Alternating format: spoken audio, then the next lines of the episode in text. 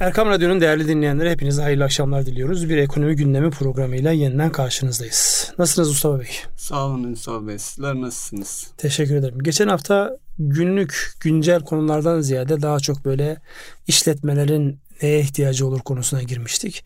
Ama e, özellikle dün yayınlanan enflasyon raporu, Merkez Bankası'nın yeni başkanının e, arz endam edişi, onunla alakalı yapılan e, yorumlar, değerlendirmeler ister istemez bizi tekrar e, güncel olana doğru iteledi. E, öncelikli olarak e, hayırlı uğurlu olsun diyelim. E, yeni başkan yani yeni değil aslında başkan yardımcısıydı. Bünyeyi bilen birisi yani e, en azından adaptasyonun şokunu yaşayacak birisi değil. Bünyeden gelen birisi. 7 ayda olsa ya da 9 ayda olsa bünyede olan birisi. Ne diyorsunuz? Ne gözlemlediniz? Dünkü basın toplantısı, sunumlar, enflasyon hedeflemesi, başkanın duruşu, başkan yardımcılarının sonra sahneye alınıp onlarla beraber e, vermiş olduğu görüntü uzun yıllardır finansın ekonomi içerisinde bulunan bir kişi olarak, profesyonel hayattan gelen bir kişi olarak size ne dedi, ne dedirtti? Ee, bir kere başkan yardımcılarının e, da yer, al, yer alması çok e, etkileyici ve değerliydi. Çünkü e, tek bir kişi değil bir ekibin bir takımın karşıda durması ve bu takımın birbiriyle uyumlu bir halde görünüyor olması Merkez Bankası'nın kararlılığı, güvenilirliği, inanılırlığı açısından da pozitif diye düşünüyorum. Ee, bunun altını özellikle çizmekte yarar var. Çünkü sadece e, konuşup e, yanındaki insanlar oturup kalktı diyemeyeceğiz. Yeri geldiğinde konularıyla ilgili söz verdi.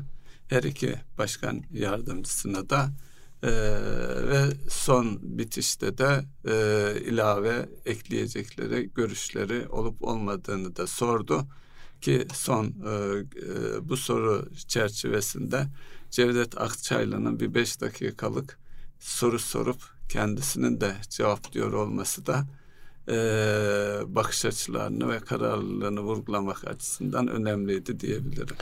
Özellikle Cevdet Akçay Hoca'nın orada görüş alması benim de yani dikkatimi çeken bir mevzuydu. Çünkü e, Merkez Bankası'nın yeni kadro oluşturulurken en fazla üzerine dikkat çekilen kişi oydu. Niye? Daha önceden e, özellikle muhalefet diyebileceğimiz ya da yani en azından hükümeti bu anlamda eleştiren cenahı bir anlamda temsil ediyor şeklinde bir görüş vardı. Fakat dünkü o çıkışı zaten bütün yorumlara baktığımızda e, oksimoron başta olmak üzere.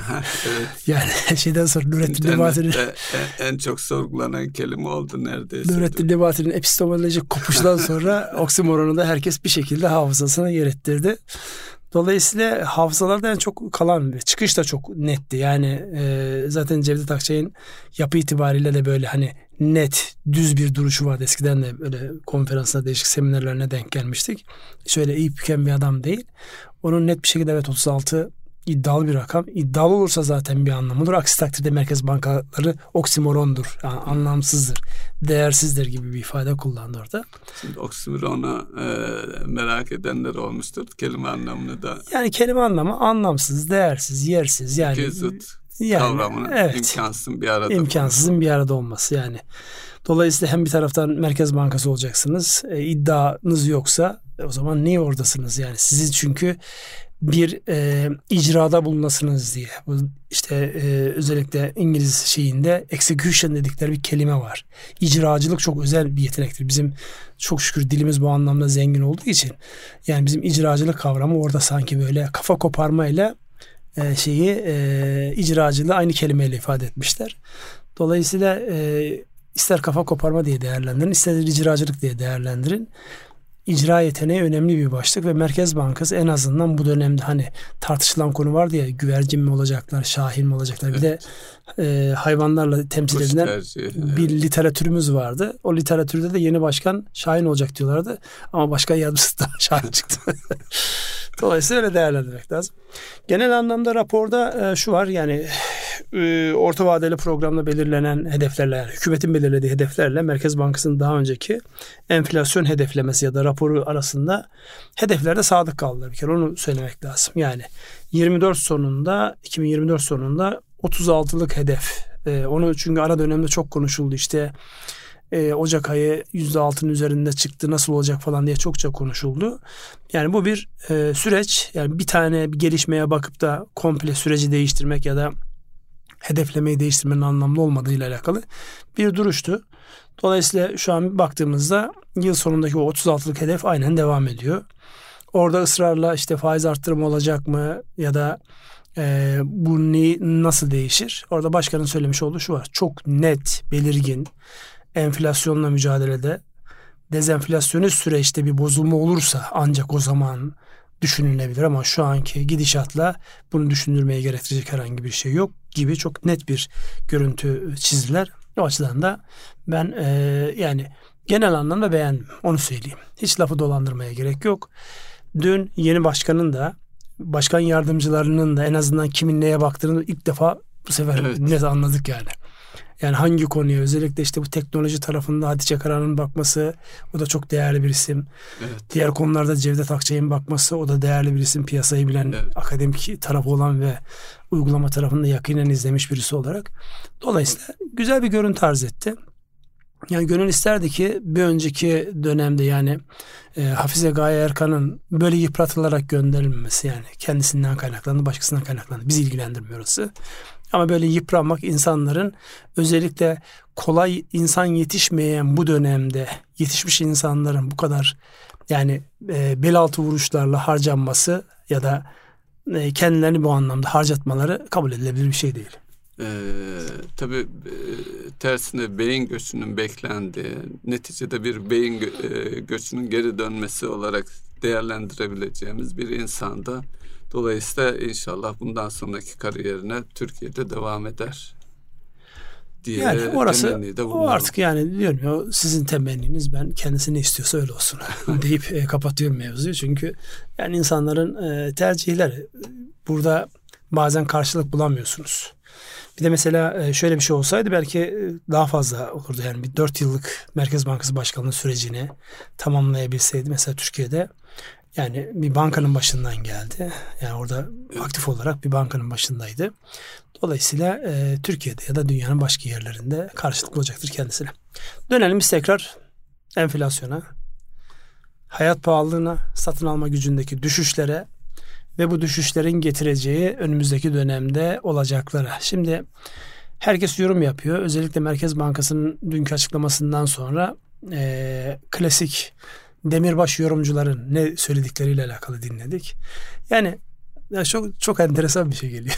Herkes bulunduğu safı savunmaya devam ediyor. Yani bir yer değiştireyim ya bir şey ne söylüyor bu adamlar? Gerçekten yani özellikle bu kadar iddialı olmak ne anlama geliyor? Niye bu kadar ısrarlar? Yani bu adamlar kendi e, geçmişlerde en az senin geçmişin kadar anlamlı ve değerli. Yani sadece siyasete hoş görünmek için mi bunları söylüyorlar yoksa gerçekten bir şeylere inanıyorlar mı? Hatırlar mısınız şey var Dur- Durmuş Yılmaz Merkez Bankası Başkanlığından ayrıldığında şunu söylemişti. Tek bir şey istiyorum. Merkez Bankası'nın ulaştığı verileri ulaşma imkanını bana versinler. O zaman daha sağlıklı yorumlayabilirim. Kaldı ki o süreçten sonra şöyle bir şey oldu. Merkez Bankası verilerini günlük yayınlıyor. Yani herkes aslında e, finansal okuryazarlık diyoruz ama Merkez Bankası bilançosunu okumak yazmak ayrı bir beceridir. Okuma yazma noktasında eğer nitelikliyseniz günlük Merkez Bankası ne tarafa doğru gittiğini, rezerv eriyor mu, artıyor mu, eriyorsa nereye eriyor, piyasalara nasıl müdahale ediliyor aslında bütün o verilerde görebilme şansı var. Dolayısıyla şu an Merkez Bankası'nın gördüğü, ulaştığı, görebildiği veriler yani biz hissiyatımız olarak nereden biliyoruz? İşte bakkala markete, pazara gittiğimizde sepetimizdeki değişiklikten hissediyoruz. Danışmanlık yaptığımız firmaların personel giderleri başta olmak üzere gider yapısının karlılık yapısına nasıl etkilediği ile alakalı e, biliyoruz. Yani bunların hepsini yan yana koyduğumuzda e, bizim görebildiklerimizde bütün makro verilerin toplandığı bir Merkez Bankası havuzu var. Orayı iyi okumak gerekiyor. Siz ne dersiniz bu konuda? Evet, e, Durmuş Yılmaz'a kadar gidince e, yapıla, yapısal sorunlarımızdan biri daha aklıma geldi. Çünkü Merkez Bankası Başkanı'ndan ayrılmak zorunda kalması da e, aynı şeye dayanıyor bence. İlk seçildiği zaman e, Durmuş Yılmaz'ın yetkinliğine değil hatta bir e, malum gazetede evinin kapısının fotoğrafını çekilip ayakkabılarını dışarıda çıkartan bir başkanımız var gibi yani aşağılamaya çalışan bir zihniyet. Bu e, her e, şeyde fırsat buldukça başını kaldırmaya da devam ediyor. Maalesef. Maalesef. Yapacak da bir şey yok yani. Orası evet. öyle işlemeye devam edecek. Çünkü insanların özellikle geldikleri yerden yani şey değil, şehirli ya da köylü olmak önemli değil. Ya bu toplumun bir kültürü var. Yani e, siz Avrupa'ya gittiğinizde, Amerika'ya gittiğinizde e, uzak doğudan gelmiş Hintliye, Sihliye, Çinliye, Koreliye yani sizin inanç sisteminizde ya da kültür sisteminizde garip gelecek yediğinden içtiğinden oturmasından bilmem nesine ona karşı bir laf etmezken gelip buradaki insanlara böyle laf sokuşturmanın işte köylü demenin ayakkabılar dışarıda çıkarılıyor demenin bu, bu, bu zihniyetten bizim bir an önce çıkmamız lazım. Şöyle bir yani fazla değil. Eski o yapraklı takvim mekanizması olsa şöyle takvimi bir 50 sene kaldırsan herkesin altından köylülük çıkar yani. Kim kime ne hava satıyor. En şu an ülkenin en zengin insanlarını, en beyaz beyaz denen insanlarına şöyle bir bak. Hepsinin geldiği yer belli, gittiği yer belli. Yani burada kim kime neyin havasını atıyor. Bir de bizim ülkemiz çok şükür ki yani insanların ne bir kas sistemi var, ne bir böyle aristokratik bir yapıya dayalı bir bilmem ne yapımız var. Herkes bu anlamda denk. Çalışan, gayret gösteren, sebat eden, hele helalde ısrar eden yani haramla hani çıkışlarla yakalanan servetlerin nasıl yok olduğunu işte son dönemde görüyoruz. Özellikle böyle insanların para kazanma iştahını kullanarak bir sürü şeyi yok eden, hayalleri yok eden bir sürü insanları görüyoruz. Şimdi onları değerlendirdiğimizde birbirimize karşı maksimum saygıyı göstermemiz gerekiyor. Değil evet. Dikkatimi çeken bir şey vardı Merkez Bankası dünkü açıklamalar esnasında e, Merkez Bankası bir taraftan mali disiplin e, veya işte hükümetin ne yapacağı da bir taraftan bakıldığında aralarında uyum var mı yok mu e, şeyi önem arz eden bir husustu. Yine dünkü sunumda e, orta vadeli programdaki rakamları e, dikkate aldıklarını ve tüm çalışmalarını o rakamlara kendilerinde inandıklarını ve o rakamlar çerçevesinde de kendi Merkez Bankası politikalarını onun üzerine bina ettiklerini altını çize çize söylediler. Bu da güven veren unsurlardan bir tanesiydi diye e, vurgulamak isterim. Evet devam edin isterseniz. Dünkü şeyde sizin dikkatinizi çeken başka özellikle bu sterilizasyon diye bir kavram kullanıldı. Yani likitte sterilizasyonu ve Türk lirasına olan e, ilginin, alakanın arttırılması yönünde. Halbuki son dönemlerde şöyle bir gözlemimiz de var insanlar kur korumalı mevduattan çıkınca bir kısmı döviz talebinde bulunuyor. Bir kısmı da fiilen döviz talebinde yani efektif olarak e, basılmış döviz talebinde bulunuyor. Bu da Merkez Bankası rezervlerinin kısmen erimesine sebep oluyor. Ona yönelik sorular vardı. Mesela o sorularda başkanın duruşu yani son derece piyasanın tabii bir isteği. Yani kurun ne kadar artacağı ile alakalı bir öngörüde bulunamayız. Çünkü kur hedeflemesi merkez bankalarının yapabileceği en son şeydir. Çünkü sizin elinizde değil. Kur dediğiniz şey uluslararası ticaretin ve dünyadaki gelişmelerin haberlerin bir tane siyasi haberin bir tane işte deprem, fırtına, kuraklık haberiyle inanılmaz farklılaşabilecek konular. Dolayısıyla kurla alakalı hedeflemeniz varsa e, sıkı dayak yersiniz. Yani orada iddialı olunamaz. Yani enflasyonda iddialı olunabilir ama kurla alakalı iddialı olunamaz. Dolayısıyla orada yani e, yüzde 45'lik politika faizi oranının olduğu yerde mevduata bir ara 50'lere kadar çıkmıştı. Şu an işte 40-50 arasında ya da 38 ile 50 arasında bir yerlerde ticari bankalar e, mevduata faiz veriyor.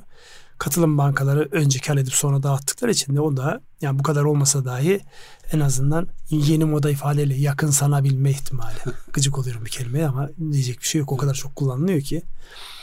Ee, dolayısıyla orada bir yaklaşma var. Onun olduğu bir ortamda kurun ne kadar artacağını %10 da artabilir. %15 de artabilir. %20 de artabilir. Hiç de artmayabilir. Yani son yayınlanabiliyorsun bir şeyde. Bırakın e, 2024 yılını 2026'nın sonuna kadar 42 lira falan hedeflemişti. Ya Goldman Sachs ya da ona benzer bir banka. Dolayısıyla herkesin Türkiye ile alakalı şu an inanılmaz pozitif raporlar yazdığı bir dönemden de geçiyoruz. Yani bunu da göz ardı etmemek evet. lazım. Herkes şu an Türkiye ile alakalı inanılmaz pozitif yani riskin alınabileceği, yatırım yapılabileceği bir ülke gözüyle bakılıyor.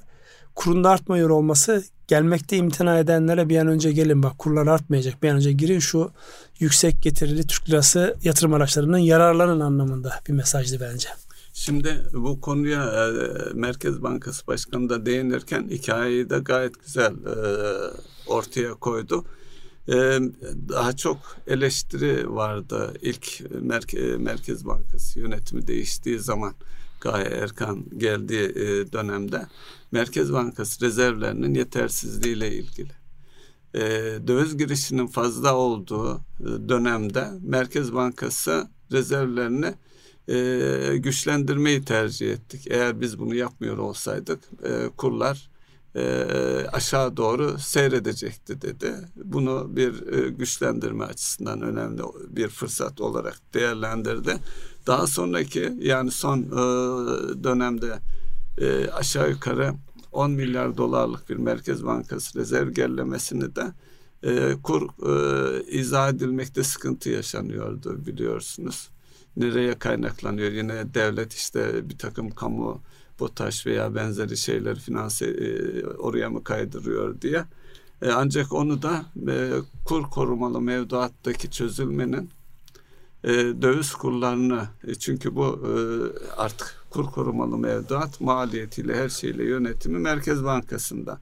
Dolayısıyla oradaki çözümü çözülmenin yine kurları e, olumsuz etkilememesi açısından da talep edilen e, dövize dönüşlerinde Merkez Bankası e, rezervlerinin e, rezervlerinden karşılandığını ifade etti.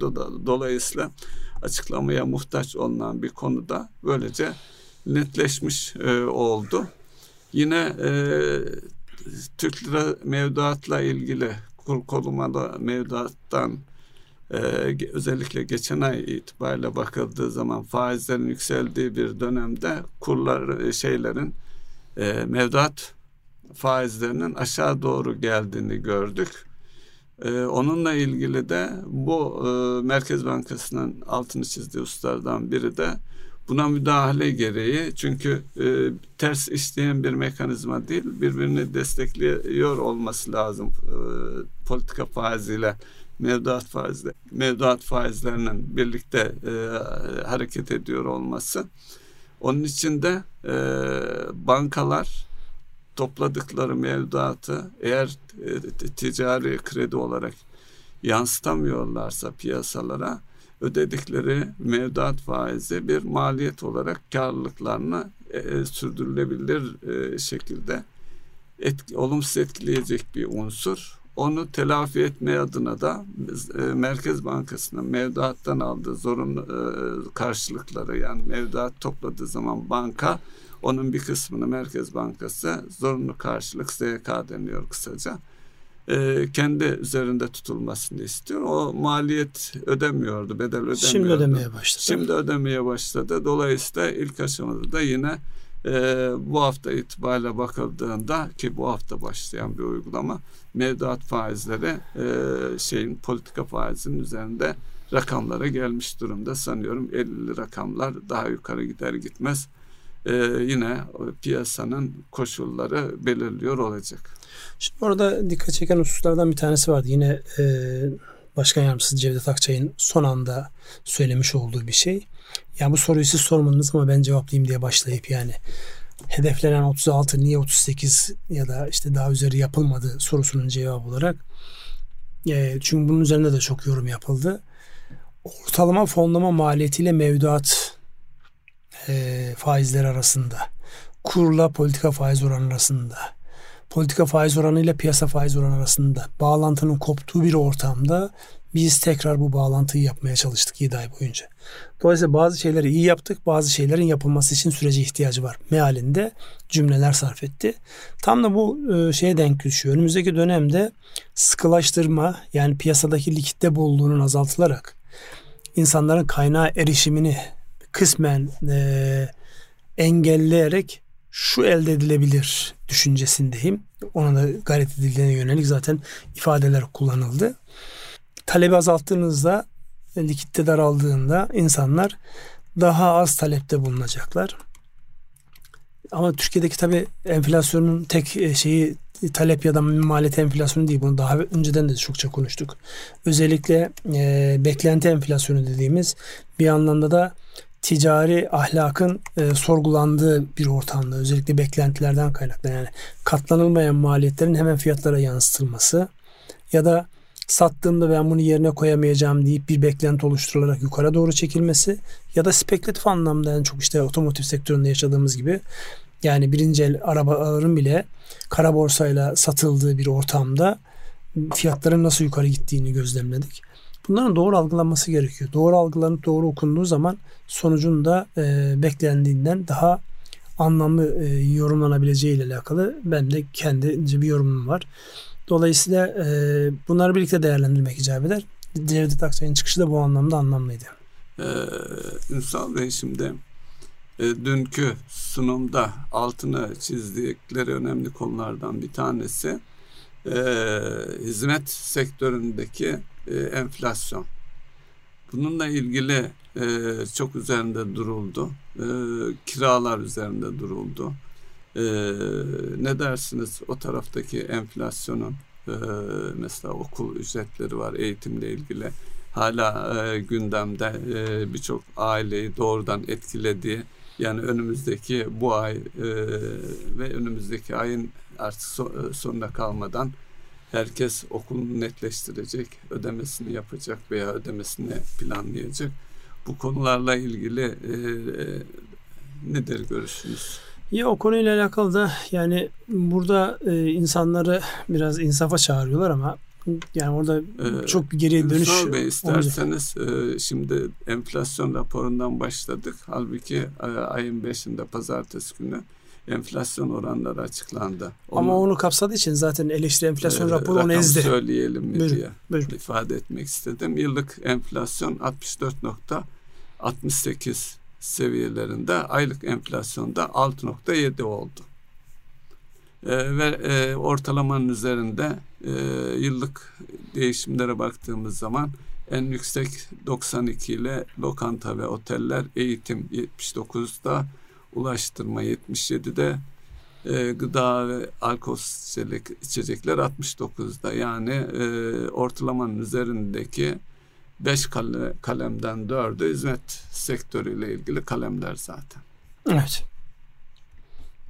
Buradan nereye varacaksınız? Evet, buradan devam ederseniz hizmetteki enflasyon yani hizmet enfla, hizmet enflasyonu maalesef yani bu işte beklentiler de bunu tetikleyen unsurlardan bir tanesi. Tabi hizmet deyince yani hava yolları şirketlerinin şeyleri de buraya giriyor. Okullar da buraya giriyor. Taşıma da buraya giriyor. Dolayısıyla geniş bir perspektif. Bu geniş perspektifte e, özellikle az önce söylemiş olduğunuz okullarla alakalı hadisede bir yıl öncesinden kayıtlar yapıldığı için yani şimdi hangisini baz alacaklar? 136'yı mı baz alacaklar yoksa fiili gerçekleşen şu an mevcut olan 64-65'leri mi dikkat alacaklar? Evet. Burada insan fıtratı gereği 64-65 alıyor. Çünkü diyor ki asgari ücretle %49 arttı. Yani öğretmenler asgari ücret seviyesinde arttıramayacağıma göre ben bunu biraz daha yukarı çekmem gerekir. Mantığıyla ister istemez fiyatlar yukarıda oluşuyor. Ama o öbür taraftan da ciddi bir mağduriyet var. Yani nedir o mağduriyet? Ee, özellikle okulların, kiraların ve diğer şeylerin yani oradaki artış insanların gelirlerindeki artışla paralel değil. Şimdi hani tam Nasrettin Hoca'nın şeyi çıkıyor ortaya. Eğer ev sahibiyseniz, kirada bir eviniz varsa sizin kira yüzde yirmi beşle artmıyor. Ama yani işte hasbel kadar o kiralık evi şey yaparken de o kadar e, şey olur mu bilmiyorum ama çocuğunuz ya da torununuzun okul parasını siz karşılıyorsanız kiranın yüzde yirmi beş arttığı yerde okul yüzde yüz artıyor. Evet. Nereden karşılayacaksınız? Evet. Elinizdeki değerler yani şunu söylüyor insanlar ki ben bu anlamda yani bir e, finansal okur yazar anlamında hesabı yaptım da anlamsız da gelmiyor. Diyor ki benim bir evim var. Şu an 5 milyon lira. Ben bunu satsam katılım hesabı ya da ticari hesap yapsam %30 %40 bandında bir şey gelir. Çarpıyor. 40 dese 2 milyon lira. Kirada işte eski kiracım var diyor. 10 bin liraya oturuyor. Evet. %25 arttırıyorum 12,5 lira diyor. bir yılını hesaplıyorum diyor 125 lira. Siz olsanız diyor 125 bin lirayı mı alırsınız ya da 100 orada 125 12 olduğu için 140 150. 150 bin lira mı tercih edersiniz? 2 milyon lira mı tercih edersiniz? Şimdi burada tıkanıp kalıyorsun. Evet. Bu da gayri ihtiyari insanlar şunu söylüyor. Benim 5 milyonluk evime 12,5 değil de 25 istemem caiz değil mi diye bir de fetva soruyor insanlar. Evet. Tabii Nasrettin Hoca herkesin haklı olduğu bir ortamda ama bir de realite var. Yani bir yerde frene basılması, bir yerde fedakarlık yapılmazsa bu işin durdurak noktası yok. Tabii bir de e, enflasyon şey asgari ücret yıllık olarak belirlendi e, bu sefer. Ancak herkesin aklında acaba Temmuz'da tekrar bir şey olur mu deniyor. Okullardan konuştuk. Şimdi öğrencilerle ilgili husus var.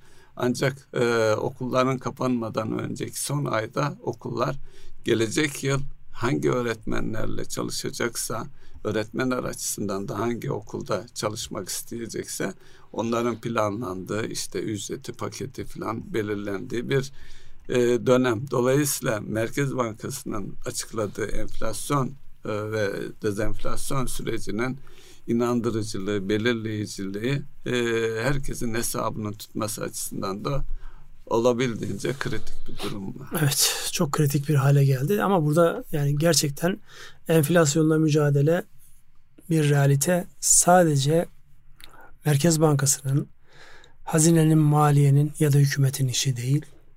Toplu bir şekilde hepimizin yapacağı bir şey. Ama dediğim gibi az önceki Nasrettin Hoca örneğine geldiğinde de herkesin haklı olduğu bir ortam var. Yani buradaki o zihni değişikliğin olabilmesi için öncelikli olarak işte bu kurlarla alakalı e, kopup gideceğine dair beklentilerin iyice kırılması, beklenen dış kaynakların yani yabancı yatırımcının ama uzun vadeli portföy yatırımlarından bahsetmiyoruz. Çünkü portföy yatırımları geldi. Ee, şeyi bahsetmedik. Borsa her gün gün içerisinde rekor kırıyor. Evet. Yani 7500'lerden 9000'e geldi ve e, yani hala daha yukarılarda konuşuluyor. Sessiz sedasız 7500'den 9000'e gelen sürece baktığınızda yani %30'luk bir e, artış var orada. %25, %30'luk bir artış var. Hisse bazında daha da e, net toparlanmalar var. Onun olduğu ortamda işte önümüzdeki dönemde yine e, bir mağduriyetin olabileceği şey. Borsa yukarı gittikten sonra insanlar tekrar borsaya dönüyorlar. Arada çıkmışlardı. Evet. Diplerden çıkmışlardı. %30 prim yaptıktan sonra tekrar borsaya dönmeye çalışıyorlar. Yani e, özeti şu. Paran varsa da başın belada. yoksa da başın belada. Azsa geçinmekte zorlanıyorsun. Çoksa da ben bunu nasıl muhafaza ederim diye zorlanıyorsun. Onun için dünya tam bir imtihan işte, yeri. davranışsal iktisat. Ee, bir kişi 100 liranın 10 lirasıyla borsada hisse alsa ve %30 kar etse normalde sevinmesi lazım. Ancak 90 liraya yatırmadığı için üzülüyor. Hayıflanıyor. Sonra evet. 90 lirayı gömüyor o %20 geriye geliyor. Keşke kalsaydım mevduatta kalsaydım dövizde kalsaydım diye. O keşkeler evet. bitmiyor. İşte dedim ya dünyanın bir imtihan yeri olduğunda en net anlaşılacağı yer burası. Devam edelim isterseniz. Evet. E, borsa dediniz. Borsadan e, hazır e, gelmişken e, kalalım diyorsun biraz burada. Bu hafta yine iki halka arz onaylandı ve e, yeni halka arzlar, arzlarla ilgili geçen yılki rakamlar üzerinden işlem yapılabilmesi için iki haftalık bir süre uzatımı oldu. Nedeni de e, enflasyon muhasebesi uygulanması söz konusu. Onun da henüz e, sonuç netleşmesi, sonuçlanması için de zamana ihtiyaç var. E, ne dersiniz? E, özellikle enflasyon düzeltmesi sonrasında çıkacak bilançoların gösterdiği tabloya e, şu anda çok firma bazında değişik olacağı için tam da e, doğru bir tahmin yapılamıyor. Yani genellenen bir ta, tahmin yapılamıyor e, ne bekliyor önümüzdeki dönemde? Yani 2023'teki seviyelerde halka arz yoğun olarak devam edecek mi? Beklentiler e, nedir? Firmalara mesaj verecek olursak buradan ne demeliyiz?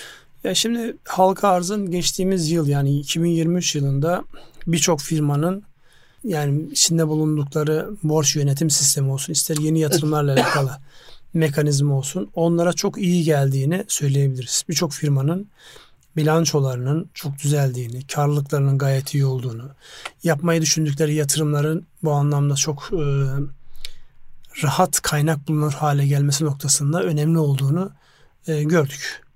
Dolayısıyla gönül ister ki bu aynı şekilde devam etsin. Fakat e, oradaki sıkıntı şu. Özellikle yani SPK orada akıllıca bir karar aldı. Eşit dağıtım usulüyle gidiyor. Dolayısıyla eşit dağıtım usulüyle gittiği zaman çok geniş kitlelere yayılmış oluyor. O geniş kitlelerden o hisseleri alabilmek için o hisselerin yukarı gitmesi gerekiyor ki insanlar tamam burası benim tatmin noktamdır ben buradan satarım demesi gerekiyor. O da orada işte asıl bu piyasanın oyuncusu diyeceğimiz bu işin meraklısı simsarlarının merak salacağı yer daha yukarılardan oluşuyor. Şimdi bu birkaç mutsuzluğa sebep oluyor.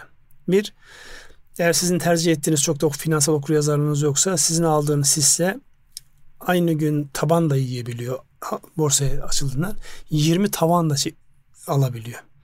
Rakam çok büyük değil fakat bu işte yeni yatırımcıların gelmesinde gitmesinde hatırlarsanız milyonun üzerinde yatırımcı hesabını kapattı. Kapatmış. Yani halka arzlarla beraber onlar tekrar gelecektir çünkü aynı trendi yakalarlarsa. Fakat piyasada o likidite var mı? Yabancıların gelişiyle beraber olur. Özellikle ben bakıyorum son dönemde yani belli hisselerde yabancı e, takas oranlarına bakıyorum. Ciddi bir hareketlenme var orada. Yani e, kendi içerisinde e, yabancıların belli sektörel anlamda e, anlamlı buldukları e, firmaların e, pozisyonlar. Yani yüzde ikiler üçler seviyesinde olan hisse, hisselerde yabancı hissesine bakıyorsunuz. Yüzde on beş, yüzde yirmiye çıktığını görüyorsunuz. Bazılarına çıkış yapıyorlar. Yani bu da şunu gösteriyor. Yani sektörel bazlı bir hareketten ziyade daha çok hisse bazlı, firma bazlı hareketlerin ön planda olacağı bir döneme giriyoruz. Böyle değerlendirmek icap eder. Dolayısıyla yani bu olduğu sürece de e, halka arza gelen firmanın önce kendi özel durumu, sonra sektörel durumu ve e, halka arz ettikten sonraki süreçte borsaya yerli ve yabancı ilginin artmasıyla alakalı olarak devam edecektir. Dolayısıyla eğer ekonomik anlamda SPK'nın öngördüğü işte 750 milyon lira ciro, işte 1.5 milyar TL aktif büyüklüğü gibi kriterler var. Onların detaylarını e, yani SPK evet, düzenlemelerinde görülür. durumda aşağı yukarı. Evet detaylarını SPK e, gündeminde olur ama bunu e, yakalayan firmaların en azından öncelikli olarak bir kere halka açılabilmek için kayıtlı sermaye sistemine geçmek gerekiyor. O da uzun bir prosedürü var onun. Yani ana sözleşmenizi SPK mevzuatına uygun hale getireceksiniz. Raporlama sisteminizi, yönetim sisteminizi ona uygun hale getireceksiniz. En azından oluşabilecek fırsatlarda ne zaman halka arz edeceğiniz, kaçtan halka arz edeceğiniz sizin takdirinizde. Fakat ön bir prosedürün tamamlanması açısından önemli bir süreç var orada. O sürecin işletilmiş olmasını tavsiye ederiz. İnsanlar, işletmeler o süreci işletsinler. Orada hazırlansınlar. Ha, uygun olduğunda gerektiği yerlerde de yani halka arzı tercih edebilirler. Önemli bir kaynak. Ee, aynı Maliyesi zamanda şirketin sürdürülebilirliği açısından da kurumsallaşma açısından da e, disipline edilmesi açısından da şirketlerin e, önemli e, değişimleri yapmaları gerekiyor. Evet Ona, onu yapıyor ama yani bir taraftan da hazır olmak diye e, vurgulayabiliriz. Evet hazır olmak bir taraftan da tabii e, özellikle iç adamları seviyesinde konforun bozulması var ya. Evet. Herkesin keyfi bozuluyor yani şirketi e, yani halbuki şirket hiçbir zaman kişinin değildir yani tedarikçisinin yani bütün paydaşlar normal zamanda da halka açık olması dahi devlet de dahil olmak üzere basın da normal halk da dahil olmak üzere paydaş e, mantığıyla baktığımızda çok geniş bir paydaş kitlesi var orada. Ama ve lakin çoğusu kendi dükkanı gibi algıladığı için o kendi dükkanındaki konfor bozulma riskinden dolayı biraz insanlar imtina ediyorlar. Çünkü düzenli raporlayacaksınız. Fiyat hareket olur sizin dışınızda. Onunla alakalı açıklama yapacaksınız. Vallahi billahi bizde bir olağanüstülük yok falan diye sürekli bir e, açıklama ya da yaptığınız faaliyetlerle alakalı rutinin dışına çıktığınızda bir şeyler yapıyor olmanız icap eder.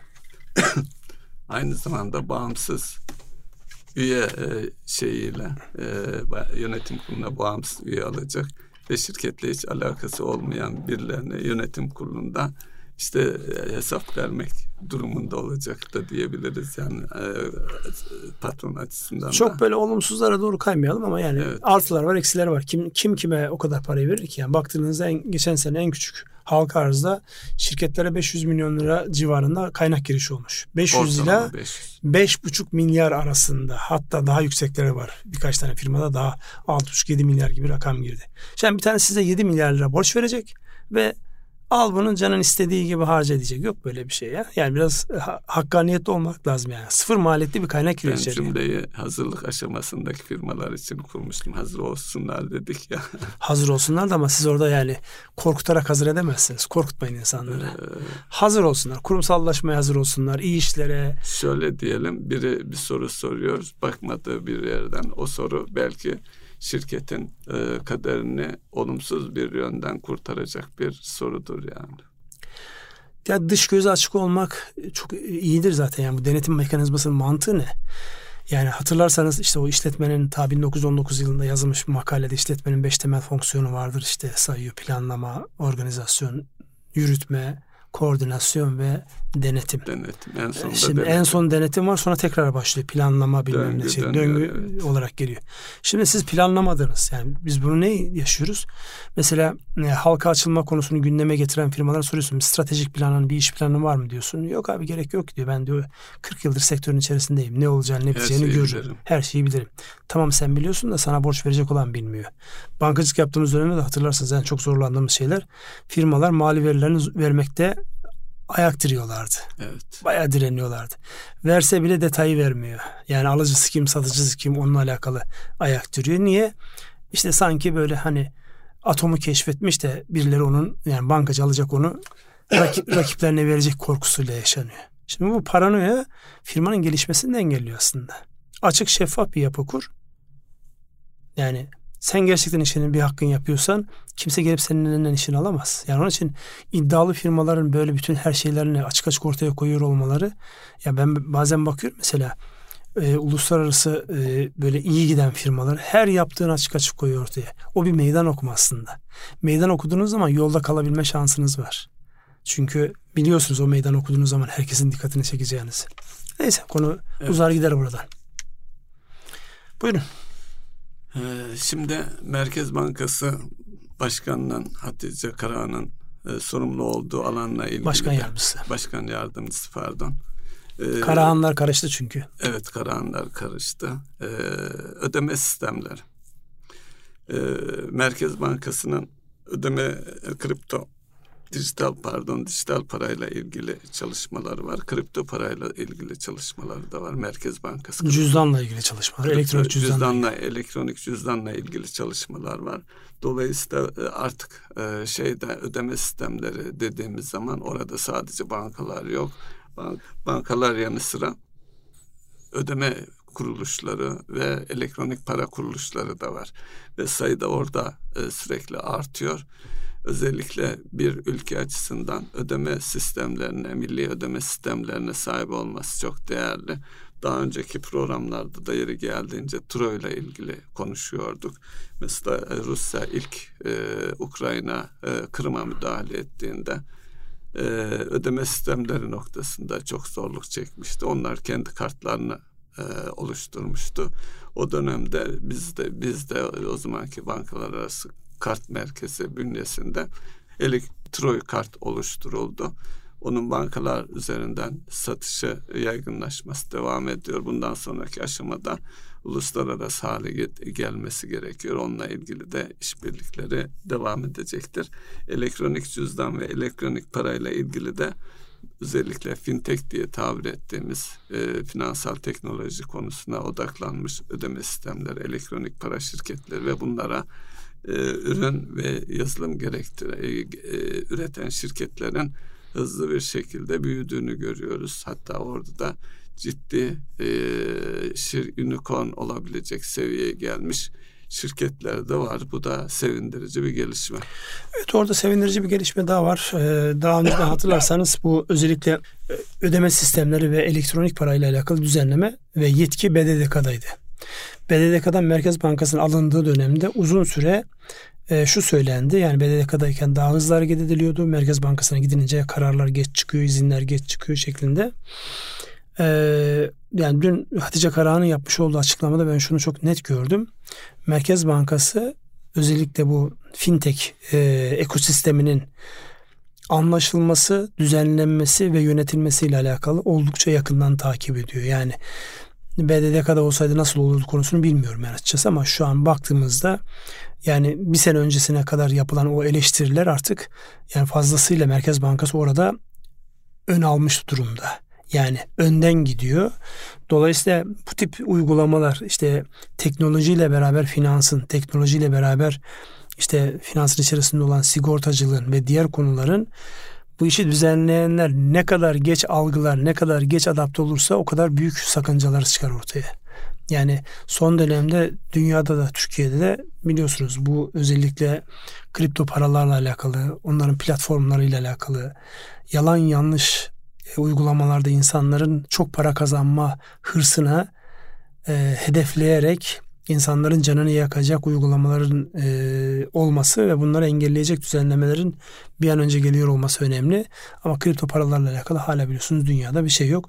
Sadece Amerika'da NFT'lerle alakalı bir kabul oldu. Yani eskiden yok sayılan NFT'lerin artık e, var sayıldığını görüyoruz. Dolayısıyla e, bu anlamda yani Hatice Karan'ın yapmış olduğu açıklama işte bankalar arası para transfer sisteminin mesaiden bağımsız olarak belli bir limite kadar bu FES dedikleri e, sistemle yani günün her saatinde çünkü bazen unutuyorsunuz yani bir aidatınız var. Bir ödemeniz gereken bir şey var. Bir aklınıza geliyor gecenin bir vaktinde. Yani onu ödemeniz gerekiyor. Daha önce de mümkün değildi. Bir sonraki güne işte para transferiyle alakalı şey veriyordu. Şimdi gayet net bir şekilde yani şu an 50 bin liraya kadar biliyorsunuz çok rahatlıkla transfer yapılabiliyor şeyden. Yani bu anlamda e, iyi bir sistem kuruldu. Ticarilerde daha sonra daha da büyüyecektir bu rakamlar. Bu arada siz az önce konuşurken dikkatimi çeken şu oldu. Özellikle ticari e, döviz tevdiat hesaplarında yani kurumlara ait döviz tevdiat hesaplarının ciddi bir erime var. Yani o da şunu gösteriyor. Son dönemde özellikle uygulanan para politikasından dolayı firmalar dövizde beklemenin likitte fazlasını dövizde tutmanın eğer ihtiyacı yoksa çok anlamlı olmadığıyla alakalı bir ikna süreci yaşamışlar. Yani özellikle bu yurt dışı bankaların yayınlamış olduğu raporlarda bunda çok ciddi etkili olmuş gibi görünüyor diye onu not olarak bir altı koymuş olayım. Evet. FES'te ilişkin birkaç e, şey de ben söylemek isterim. E, şimdi bunun ilk e, şeyi elektronik fon transferi adı altında. EFT'ler meşhur. EFT dediğimiz 90'lı yılların başında bir yurt dışından alınmış bir paket hizmet tamamen e, yazılım yurt dışından alınmıştı. O dönemde çalıştığım bankada onun e, bankadaki hayata geçirilmesi e, ne çalışan ekipte de yer almıştım. O zaman e, çok enteresan bir şekilde tek yönlü e, elektronik para transferi vardı. Ama alınan şeyde menü içerisinde karşılıklı borç vermeyi de kapsayan e, fatura ödemesinden tutun birçok ödemeleri kapsayan bir sistemdi. Ancak zaman içerisinde diğerleri işlev kazanamadı. Bunun nedeni de zaman içerisinde e, ortaya koyduğunuz teknolojinin zamanlaması da bu teknolojiye uyum sağlayabilecek bankaların, firmaların e, olması çok e, e elzem bir husus. Hatırlarsanız e, zaman içerisinde şu anki elektronik bankacılıktan öncesinde firmalara bankalardan şey bağlıyorduk modemler işte özel bilgisayar konuluyordu işte buradan e, yapacaksın falan vesaire. Şu anda geldiğimiz noktada FEST e, daha modern bir sisteme geçildi ve artık e, yeni bir işlev daha kazandı. Para isteme karşılıklı. Evet. O da önemli bir Ödeme şey. isteme katman servisi dedikleri ha, yani bir şey. karşılıklı olarak eğer ben sizden bir para isteyecek olursam hemen size bir e, talep gönderiyorum. Siz onayladığınız anda sizin hesabınızdaki talep ettiğim para benim hesabıma anında geçiyor. Bu daha da zenginleşecek ve diğer e, bahsettiğimiz ödeme ve elektronik para kuruluşlarının da menülerine girecektir. Şu anda sadece bankaların menüsünde var. Diğerleri de geçmek üzeredir diye tahmin ediyorum. Ve reklamlarında görüyorlardır zaten bizi dinleyenler. Aslında bu e, belki de kullanmaya başladılar. Kullanmaya başlanmıştır. Çünkü 5 Şubat'ta bunun duyurusu yapıldı. Yani 5 Şubat'tan bugüne kadar baktığımızda 3 günde hemen şeyler devreye alındığı şey var. Burada tabii şimdi Merkez Bankası ödeme e, sistemini yani e, yönetecek, kontrol edecek yapı teknoloji hızlı kullandığında e, dış aracılara da yani lüzumsuz ve daha pahalı olan dış aracıları da devre dışı bırakıyor aslında. Yani ne kadar hızlı adapte olursa bu tip sistemlere tabi burada bir güvenlik mekanizması var yani hemen adapte olamıyorlar. Yani şu an Merkez Bankası'nın bu FES'te başta olmak üzere işte bu ödeme isteme e, şeyleri de halbuki şeyler de vardı. Fintech uygulamalarında vardı biliyorsunuz. Bunu yapan yani sınırlı da olsa kendi müşteriler arasında bunu yapan yapılar vardı. Orada görünenlerin buraya taşınıyor olması da ciddi bir avantaj olarak geldi gündeme. Evet, tabii entegrasyon her şeyde olduğu gibi e, özellikle ödeme sisteminde de banka bankacılık sistemlerinde de e, önemli bir unsur. Bunun içerisine yatırım e, ürünleri de eklenecektir. Evet, yavaş yavaş programın sonuna geliyoruz. Burada e, Merkez Bankası'nın enflasyon raporuyla başladık. Bunun etrafında gelişmelerden biraz bahsettik. Var mı sizin özellikle e, ekonomik veriler anlamında şunu muhakkak söylemeliyiz dediğiniz? Şey, e, bugünkü e, sanayi üretimiyle ilgili açıklamayı değerlendirmeliyiz diye düşünüyorum Ünsal Bey. Bir sanayi üretimi var. Ben de notlarım arasında Exim Bank sermaye arttırımı ve daha çok ihracatçılara destekle alakalı bakanın bir açıklaması vardı. E, dolayısıyla yani Mehmet Şimşek e, epeyden beri bütün katıldığı toplantılarda ihracat konusunu çok gündeme getiriyor. İsterseniz siz o sanayi ile alakalı olan kısmını değerlendirin. Ben de bu e, Exim Bank'ın oynadığı rolle alakalı bir şeyler söyleyeyim ve kapatalım. E, sanayi üret Aralık e, yıllık 1.6 seviyesinde arttı. E, aylık olarak da 2.4'lük bir yükseliş söz konusu. Beklenti yıllık binde 2, aylıkta binde 3 artış e, sağlanacağı yönündeydi.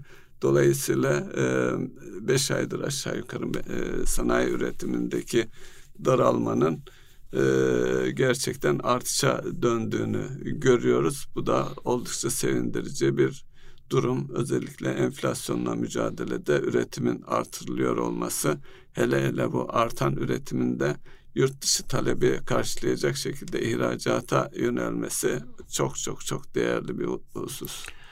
Evet onu destekleyecek olan da e, Mehmet Şimşek'in yapmış olduğu bir yıl içerisinde yani geçtiğimiz bir 7 ay içerisinde 3. kez sermaye artırımına gidiyoruz Exim Bank'ta. Dolayısıyla bu süreç tamamlandığında ihracatçılara daha geniş kapsamlı yani sermaye yapısı, öz kaynak yapısı desteklenmiş bir Exim Bank'la yön vermek noktasında. Yani sadece işte per, teminat mektubu karşılığında işte performans kredisi ya da ihracat öncesi sevk kredisi gibi şeylerin ziyadesinde alacak sigortasının yapılacağı, dünyadaki Exim bankların EC diye tabir edilen Exim bankların uygulamış olduğu bütün ürünleri hayata geçirebilecek uluslararası e, kaynak temini ve e, kendi firmalarımız uluslararası arenada daha güçlü e, bir mücadele vermesini sağlayacak desteğin olacağına dair güçlü mesajlar var. Bunu da yakından takip edeceğiz. Şimdi bitirelim mi? Buyurun. Erkam Radyo'nun değerli dinleyenleri bir ekonomi gündem programının daha sonuna geldik. Dilimizin döndüğünce bu hafta ağırlıklı olarak enflasyon raporu olmak üzere gördüklerimizi aktarmaya çalıştık. Hayırlı akşamlar diliyoruz hepinize. Hayırlı akşamlar.